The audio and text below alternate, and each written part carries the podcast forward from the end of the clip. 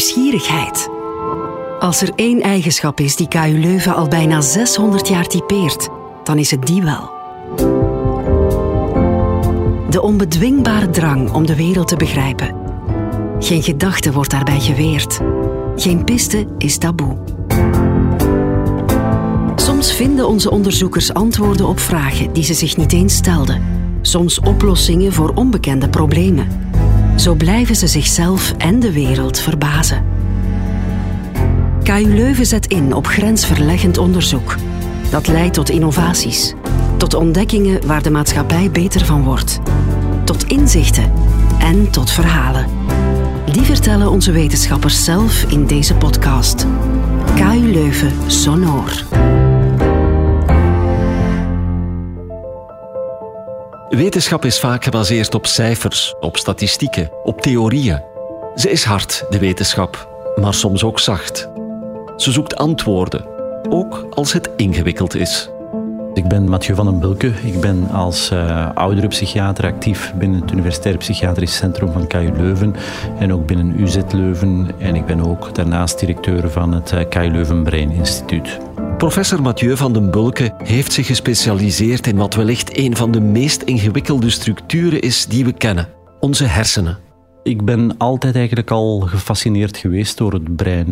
En vooral dan het verband tussen het functioneren van de hersenen, letsels in de hersenen en wat dat doet op vlak van gedrag, sociaal gedrag en emoties. En dat is eigenlijk tot op heden nog altijd mijn passie. In onze maatschappij hangen er nogal wat emoties rond ouder worden. Dat merkt Mathieu van den Bulke ook in zijn onderzoek ouder worden en veroudering wordt erg geassocieerd met zorg en last, kommer en kwel, eh, ziekte, afhankelijkheid enzovoort.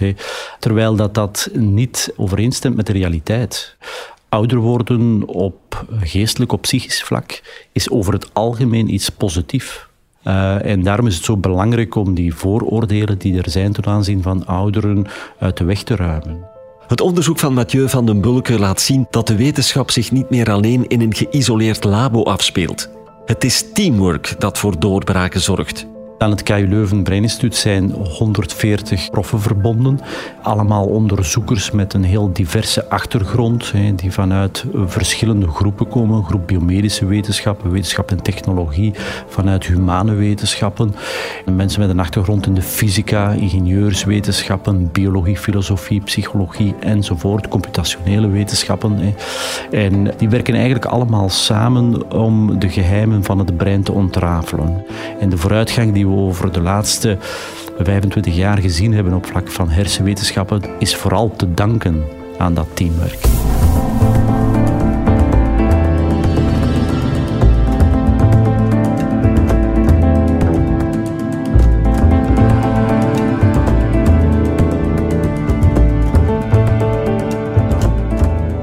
Probleem waar ik als oudere psychiater het meest mee geconfronteerd word, eh, zijn dementie en, en allerlei cognitieve stoornissen, stemmingstoornissen, dus depressie en ook psychotische stoornissen die gepaard gaan met hallucinaties en uh, waanideeën. Ik heb hier een afdeling, hier in dit gebouw, voor oudere mensen waarbij dat er een soort van knoop ontstaan is in het hoofd die moet ontward worden. Daar liggen mensen die verward zijn, geheugenproblemen hebben, mensen die gedragsveranderingen vertonen, zoals bijvoorbeeld agressie of iets anders, mensen die hallucineren of mensen met waansystemen, complottheorieën enzovoort. Dus dat zijn zaken waar wij proberen te zoeken naar een verklaring voor dat veranderde gedrag of het veranderend psychisch functioneren. Eigenlijk heb ik zelf geen schrik om ouder te worden. Ondanks het feit dat ik eigenlijk eh, als oudere psychiater natuurlijk met eerder de donkere zijde van het ouder worden geconfronteerd word. En de reden daarvoor is ouder worden op geestelijk, op psychisch vlak, is over het algemeen iets positiefs. Ouderen richten zich doorgaans meer op positieve zaken uit hun omgeving. Als je vraagt van herinneringen op te roepen, denken ze meer aan positieve zaken uit het verleden. Hè. Vaak zeggen ouderen nu ook van ja, de tijd is te kort geworden om mij nog bezig te houden met al die negativiteit. Dus ze lijken zichzelf tot op zekere hoogte te immuniseren voor te veel negativiteit. Hè. Ehm, En, en je merkt dat ook een beetje in de kliniek. Hè. Dus het aantal depressies bijvoorbeeld op latere leeftijd is lager dan op jongere leeftijd. Hè. Bijvoorbeeld op vlak van persoonlijkheid zie je dat soms de scherpe kantjes er een beetje afgeveild worden. Mensen zijn een beetje op emotioneel vlak wat stabieler geworden. Hè. Dus er zijn toch heel wat positieve zaken te ontwaren. Ik denk dat het belangrijk is dat mensen zich daar ook van bewust zijn. Want natuurlijk, het beeld dat in de maatschappij leeft rond uh, ouderen, dat bepaalt ook voor een stukje het zelfbeeld van ouderen. En daarom is het zo belangrijk dat we daar ook rond genuanceerde en correcte informatie geven.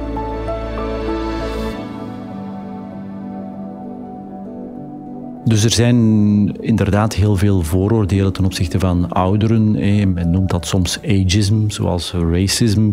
Dat is eigenlijk het geheel van vooroordelen dat er zijn ten opzichte van een bepaalde doelgroep, of een bepaalde bevolkingsgroep, in dit geval ten aanzien van ouderen. Dat heeft veel te maken met dat mensen denken dat ouderen ja, allemaal stilvallen, uh, weinig tot nut zijn, tot niet veel meer komen, allemaal somber, nors, prikkelbaar zijn en dergelijke meer. Dat zijn een soort van clichés die heel vaak rusten op ouderen en die eigenlijk onterecht zijn. Want dat is in de realiteit niet zo. We zien heel wat positieve veranderingen, zijn eigenlijk ook eh, positiever gestemd, richten zich meer op positieve zaken vanuit de omgeving enzovoort. Dus die vooroordelen die stemmen niet overeen met de realiteit. En wanneer dat de clichés rond ouderen wel bevestigd worden, dan is het tegen dat er iets aan de hand is. als iemand op latere leeftijd prikkelbaar wordt, of iemand valt stil of dergelijke meer, of komt tot niet veel meer, ja, dan moeten wij verder gaan onderzoeken wat dat er aan de hand is. Want dan is er vaak toch ergens een, een psychiatrisch probleem of iets in de hersenen dat aan het veranderen is, dat een verklaring biedt voor het veranderd gedrag bij ouderen. Mijn dagelijkse werk is eigenlijk het werk als arts, waarbij dat ik als oudere psychiater actief ben, dus binnen UBCKU Leuven en de universitaire ziekenhuizen, ook in de geheugenklinieken. Ik heb ook een hospitalisatieafdeling waar ik patiënten ontvang met zaken die mislopen in het hoofd en waarbij dat wij proberen een verklaring te zoeken. En dat doen we aan de hand van ja, verschillende technieken. We gebruiken daarbij beeldvorming, neuropsychologisch onderzoek. We proberen de patiënt ook goed te observeren, ziektegeschiedenis in kaart te brengen en op die manier wat meer zicht te krijgen op wat dat er aan de hand is eh, bij patiënten. Dus dat is eigenlijk wat het klinische stuk betreft. En dan het onderzoeksstuk, dat is eigenlijk meer gericht op neuropsychiatrie. Dus het grensgebied tussen psychiatrie en neurologie, waar wij vooral geïnteresseerd zijn in beeldvorming van de hersenen. En kijken of we de veranderingen die we visualiseren kunnen linken aan veranderd gedrag, aan neuropsychiatrische symptomen die aanstaan, aan veranderingen op vlak van emoties en sociaal gedrag. Dat is eigenlijk een beetje mijn taak hier binnen de universitaire ziekenhuizen en aan de KU Leuven. Een van de grote uitdagingen in mijn eh, vakdomein is eigenlijk dat we in het hoofd van mensen moeten kunnen kijken om te begrijpen wat er aan de hand is. Dus we moeten zicht krijgen op de hersenen. En we doen dat aan de hand van voornamelijk twee technieken. Enerzijds een MRI, waarbij dat we de structuur van de hersenen in kaart brengen. En anderzijds gebruiken we daarbij nucleaire beeldvormingstechnieken, voornamelijk dan de PET-scan, waarbij dat we de activiteit in bepaalde structuren gaan opmeten en ook gaan kijken in hoeverre dat er bepaalde eiwitten neerslaan in de hersenen, omdat we daarvoor speurstoffen gebruiken die zich aan die structuren of aan die eiwitten binden.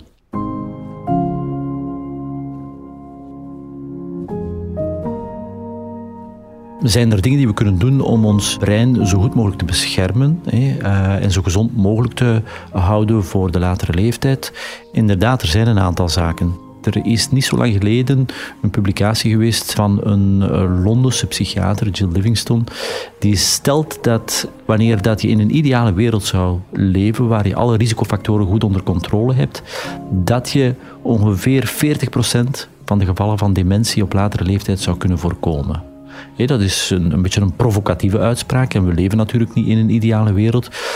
Maar meer en meer krijgen we toch wel wat zicht op zaken die we kunnen doen om onze hersengezondheid zoveel mogelijk te bevorderen. En dat gaat dan over in eerste instantie het beschermen van uw bloedvaten. Hoe ouder dat je wordt, hoe belangrijker dat het aandeel van de bloedvaten bij hersengezondheid wordt. En dan spreek ik over het behandelen van hoge bloeddruk, suikerziekte, niet roken, niet te veel vetten enzovoort. Heel veel bewegen, blijkt ook een beschermende factor te zijn, omdat je met bewegen heel wat beschermende stoffen vrijzet in het brein. En niet alleen de netwerken activeert die betrokken zijn bij beweging, maar ook degenen die betrokken zijn bij redeneren, geheugen enzovoort. Dus dat speelt eigenlijk ook een belangrijke rol. Sociaal actief blijven, omdat je op die manier ook je brein blijft stimuleren. En het eh, brein volgt een beetje het principe use it or lose it. Dus hoe meer dat je het gebruikt, hoe meer dat je contactjes aanmaakt en bestaande contactjes versterkt. Dus dat is ook erg belangrijk, maar ook eigenlijk uh, op mentaal vlak actief blijven, blijven lezen, en de mate van het mogelijk de actualiteit blijven volgen uh, enzovoort. Het is ook belangrijk op latere leeftijd dat mensen die bijvoorbeeld problemen hebben met het zicht of met het gehoor, en daardoor dreigen te deconnecteren van de samenleving om dat ook goed te behandelen. Een goede bril, een hoorapparaatje is heel belangrijk. Dus we weten bijvoorbeeld vanuit het onderzoek dat mensen die reeds vroeg gehoorsproblemen ontwikkelen, op een leeftijd van 50, 60 jaar, op latere leeftijd een duidelijk verhoogde kans hebben om dementie te gaan ontwikkelen. Dus in die zin zijn er toch een aantal zaken die we kunnen doen om ons brein zo gezond mogelijk te houden.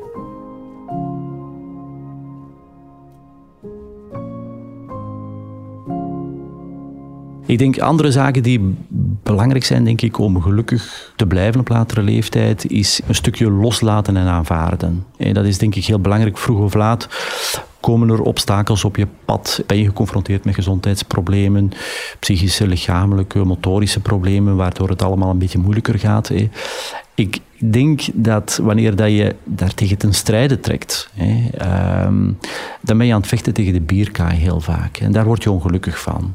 Mensen die een stukje kunnen loslaten en eigenlijk hun verwachtingen naar zichzelf kunnen afstemmen op hun mogelijkheden van het moment, ja, daar merk je toch dat het veel gemakkelijker loopt op latere leeftijd. En in de psychologie spreken we daarbij over assimilatie en accommodatie. En assimilatie betekent eigenlijk dat je, wanneer je met een beperking geconfronteerd wordt, dat je eigenlijk alles eraan doet om terug te worden zoals vroeger. En accommodatie betekent dat je de tering naar de nering zet eigenlijk en rekening houdt met je beperking. En mensen die in die tweede modus kunnen komen op latere leeftijd, eh, zijn doorgaans toch een stukje gelukkiger. Maar dat is allemaal gemakkelijker gezegd dan gedaan, hè, want aanvaarden dat doe je eigenlijk meer met je buik dan met je hoofd. Maar ik denk toch wel belangrijk is dat mensen zich daar uh, bewust van zijn.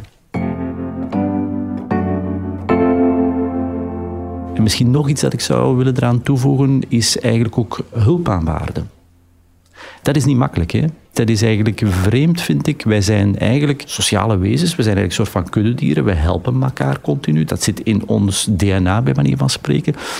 Maar tegelijkertijd is autonomie en, en, zelfstandigheid zo belangrijk geworden dat het heel moeilijk geworden is om nog hulp te aanvaarden. En daarmee gaan we een beetje, vind ik, tegen onze natuur in. Want we voelen zelf wel aan dat we heel graag iemand anders helpen en zorg verlenen aan andere mensen, maar we hebben het des te moeilijker om zelf die hulp en die zorg te aanvaarden. En dat is toch denk ik iets waar we moeten bij stilstaan. Dat is, vind ik wel erg veranderd. Als je kijkt naar de vorige generaties, daar was het logisch dat oma of opa of pompa bomma eigenlijk ehm, thuis verbleef in de familie. En iedereen zorgde daarvoor en, en hielp die. En die vond dat ook normaal dat ze geholpen werden. Hè. Maar nu is dat allemaal zo veranderd. Ja, natuurlijk ook omwille van het feit dat de maatschappij erg veranderd is. Hè. Maar ouderen hebben het steeds moeilijker om hulp te aanvaarden. Hè. En dan merk je dat dat soms heel erg botst, dat dat tot familiale conflicten leidt enzovoort. Dus daar denk ik dat we toch ook als samenleving moeten bij stilstaan. Een blik op de toekomst geeft u ook raad over hoe dat je het leven op dit moment moet organiseren. Want op latere leeftijd is het gevoel dat je eigenlijk ja, goed geleefd hebt, dat je iets bijgedragen hebt op een samenleving, dat je je best gedaan hebt, is eigenlijk de beste bescherming op psychisch vlak.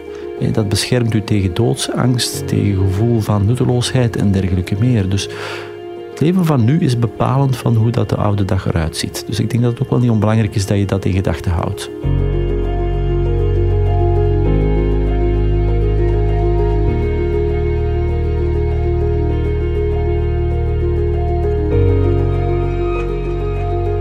Voor mij als arts is het erg belangrijk om het onderscheid te kunnen maken tussen normale veroudering en pathologische veroudering, om te kunnen bepalen wanneer iemand ziek is. Want eigenlijk de definitie van een ziekte is dat er een lichamelijke of een psychische aandoening is die iemand belemmert in het normale functioneren. En als je natuurlijk niet weet wat normaal is op latere leeftijd, kan je eigenlijk ook niet bepalen wie ziek is. En daarom is het zo belangrijk om dat onderscheid te maken. Een normale veroudering doet toch wel een aantal zaken natuurlijk. Um, een van de zaken die op cognitief vlak nogal duidelijk is, is dat ouderen een beetje trager worden. Dus er is een soort van psychische verlangzaming die geleidelijk aan toch wel optreedt. Dat heeft onder meer te maken met het feit dat de voorhersenen ook in volume geleidelijk aan wat afnemen. En dan zie je ook als ieder psychisch deelproces een beetje trager wordt, dat complexe taken, multitasking, ook wat moeilijker begint te worden naarmate dat mensen ouder worden. We zien ook dat het geheugen lichtjes achteruit gaat. Dat is niet spectaculair, dat moet je eigenlijk al bijna gaan meten in het onderzoek om dat te kunnen vaststellen. Een typisch verouderingsverschijnsel bijvoorbeeld is, het tip of the tongue fenomeen waarbij dat mensen naamvindingsmoeilijkheden hebben. Van, eh, hoe heette die man nu weer of die kennis nu weer? Al een beetje later springt hun dat toch te pinnen. Hè. Dat is een tip of the tongue fenomeen. En heel wat mensen die naar de geheugen komen, komen met deze klacht. En zijn bang dat ze dement aan zijn omwille van het feit dat ze geen namen meer vinden. Maar eigenlijk is dat een normaal verouderingsverschijnsel. Dat begint al relatief vroeg hoor, 40, 50 jaar en dat neemt sterk toe. Sommige mensen zijn daar gevoeliger voor. Bij mij in de familie bijvoorbeeld, iedereen heeft dat een beetje. Langs de kant van mijn moeder ik herinner ik nog zo'n bepaalde tante die we waren eigenlijk met vier neven en nichten en ze liep altijd eigenlijk de hele reeks af voordat ze bij mij kwam. Dat was uh, Frankske, Anneke, Luxke en dan zei ze uiteindelijk Mathieu. En, maar bon, dat was eigenlijk onschuldig en dat is ook later gebleken dat dat uh, niet echt in belangrijke mate toegenomen is. Maar dus dat zijn een beetje de zaken die we zien bij normale veroudering. Nu, we maken soms ook een onderscheid tussen wat dat we noemen vloeiende intelligentie en gekristalliseerde intelligentie. Ik vind dat wel een belangrijk onderscheid. Vloeiende intelligentie wijst eigenlijk op de, de motor in uw brein, de denkprocessen. Dus die gaan een beetje trager, een beetje moeilijker. Hè. Maar aan de andere kant ja, ga je meer ervaring opbouwen, kennis opbouwen. En dat noemt men met een heel mooi woord, vind ik, gekristalliseerde intelligentie. Dus de kristallen die blijven plakken in je hoofd. Hè. En hoe dat je functioneert in het dagelijks leven is een beetje de optelsom is een beetje reductionistisch wat ik nu zeg, maar daar komt het min of meer op neer. De optelsom eh, van de vloeiende en de gekristalliseerde intelligentie. Dus het, het feit dat je meer ervaring hebt, compenseert een stukje voor het feit dat je wat vertraagt in je denken. Ik denk dat het gewoon belangrijk is als mensen het gevoel hebben dat op een bepaald vlak er een duidelijke verandering is ten opzichte van vroeger. Hè. Ze echt het gevoel hebben dat is hier niet pluis. Hè. Dat ze op dat moment hulp zoeken. In eerste instantie bij de huisarts. En wanneer dat die effectief denkt dat er iets aan de hand is, krijgen wij de patiënten dan ook verwezen. Want als wij bijvoorbeeld aan dementie denken, om nu een van de grote psychopathologieën op latere leeftijd te, te benoemen, ja, dan denkt iedereen aan het geheugen. Hè. Maar hoe dat een dementie zich manifesteert, hangt af van de plaats in het brein waar de hersenschade uh, zich bevindt en zich opbouwt. En dat is dan eerder een gevolg van proteïne- of eiwitneerslag. Maar dat kan eigenlijk op verschillende plaatsen zijn in het brein. En dat zal bepalen welke symptomen dat je ontwikkelt. Of het eerder geheugen is, of taal, of redeneren, of uh, visuele verwerking, of sociaal-cognitief functioneren, enzovoort. Hè. Dus er zijn heel veel verschillende manieren waarop dat een bepaalde hersenaandoening op latere leeftijd zich kan uiten. Hersenaandoeningen die komen op latere leeftijd frequent voor. En dat is volledig toe te schrijven aan het feit dat we allemaal ouder worden. Hoe ouder je wordt, hoe groter de kans op een hersenaandoening en op eh, dementie. Boven de 90 jaar is de prevalentie van dementie ja, ongeveer 1 op 3 of 1 op 2 mensen die eigenlijk klinisch voldoen aan de criteria van dementie.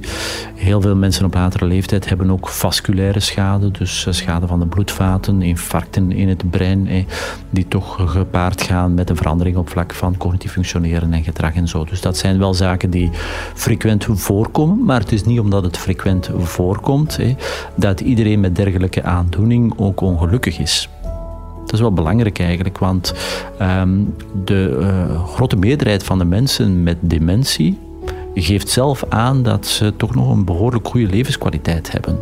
En wat we in het onderzoek ook merken, is dat de naasten systematisch de levenskwaliteit van mensen met dementie lager inschatten dan mensen met dementie zelf. Dus we kunnen ons toch heel moeilijk verplaatsen in het hoofd van mensen met dementie. Hè. Dus het is niet zo dat omwille van het feit dat je een hersenaandoening hebt, dat je per definitie ook ongelukkig bent. Dat is wel belangrijk, denk ik, om dat te beseffen. Er is dus wel degelijk een taboe rond psychische problemen bij ouderen.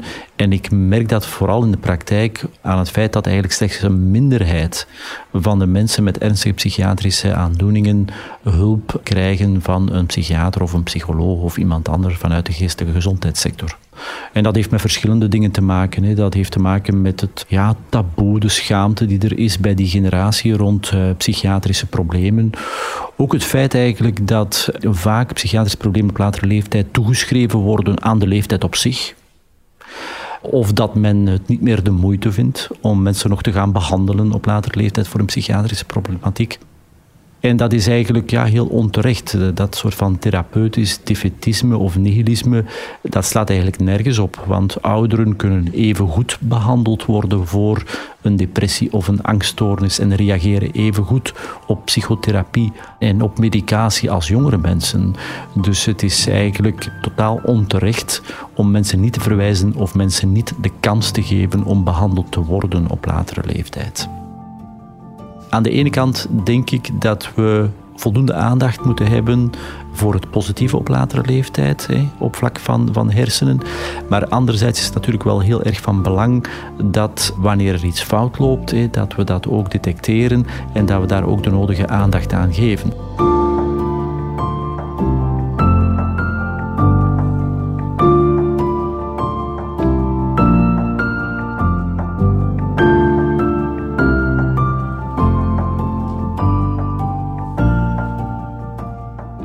Het Leuven Brain Instituut dat is eigenlijk een soort van horizontale structuur aan de KU Leuven.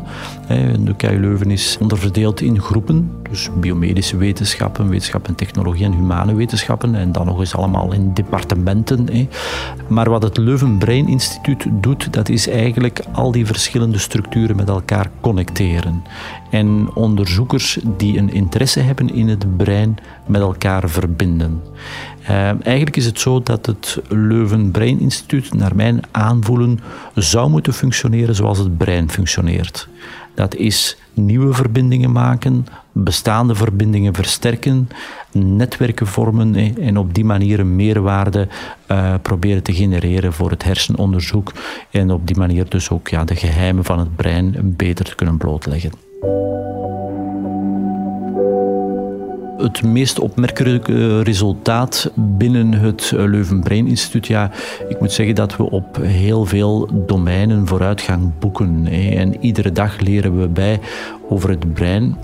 Maar om het even over mijn eigen domein te hebben, bijvoorbeeld dementie, ja, daar heb ik een ongelooflijke vooruitgang gezien over de voorbije 10, 15 jaar. Dat is werkelijk, we, leven bijna in een andere wereld. Ik had dat niet kunnen voorspellen 10, 15 jaar geleden, hoe dat we enorme stappen gezet hebben op vlak van diagnostiek, op vlak van tijdens het leven de pathologie identificeren, die verantwoordelijk is voor uiteindelijk het dementieproces, maar ook op vlak van inzicht krijgen in de ziektemechanismen en ook de eerste aanzet tot therapie.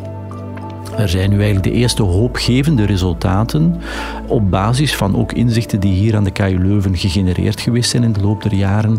En ik denk dat we daar ja, binnen 10, 15 jaar, misschien de volgende generatie, dat we echt wel met, met behandelingen eh, zullen komen. Soms vergelijk ik het een beetje met het hele kankeronderzoek. Als je ziet hoe dat, dat over de voorbije 50 jaar geëvolueerd is van een aandoening die niet behandelbaar was, tot nu een aandoening die grotendeels behandelbaar is ik verwacht eigenlijk eenzelfde evolutie voor neurodegeneratie.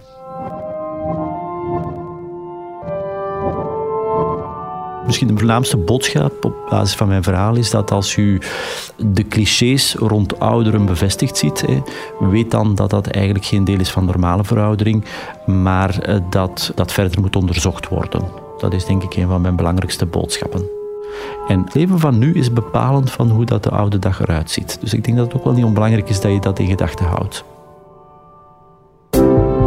was KU Leuven Sonor, de podcast van KU Leuven waarin wetenschappers over hun onderzoek vertellen. In deze aflevering hoorde je Mathieu van den Bulke. Hij schreef ook het boek Rimpelingen in het hoofd van ouderen over psychische problemen, het brein en het leven. De volgende keer gaan we naar professor Oude Testament Benedict Lemmelijn. Deze podcast is gemaakt door podcastagentschap Uitgesproken in opdracht van en in samenwerking met KU Leuven. Meer verhalen over lopend onderzoek lees je in het magazine Sonar en het online stories platform De Kracht van Verwondering.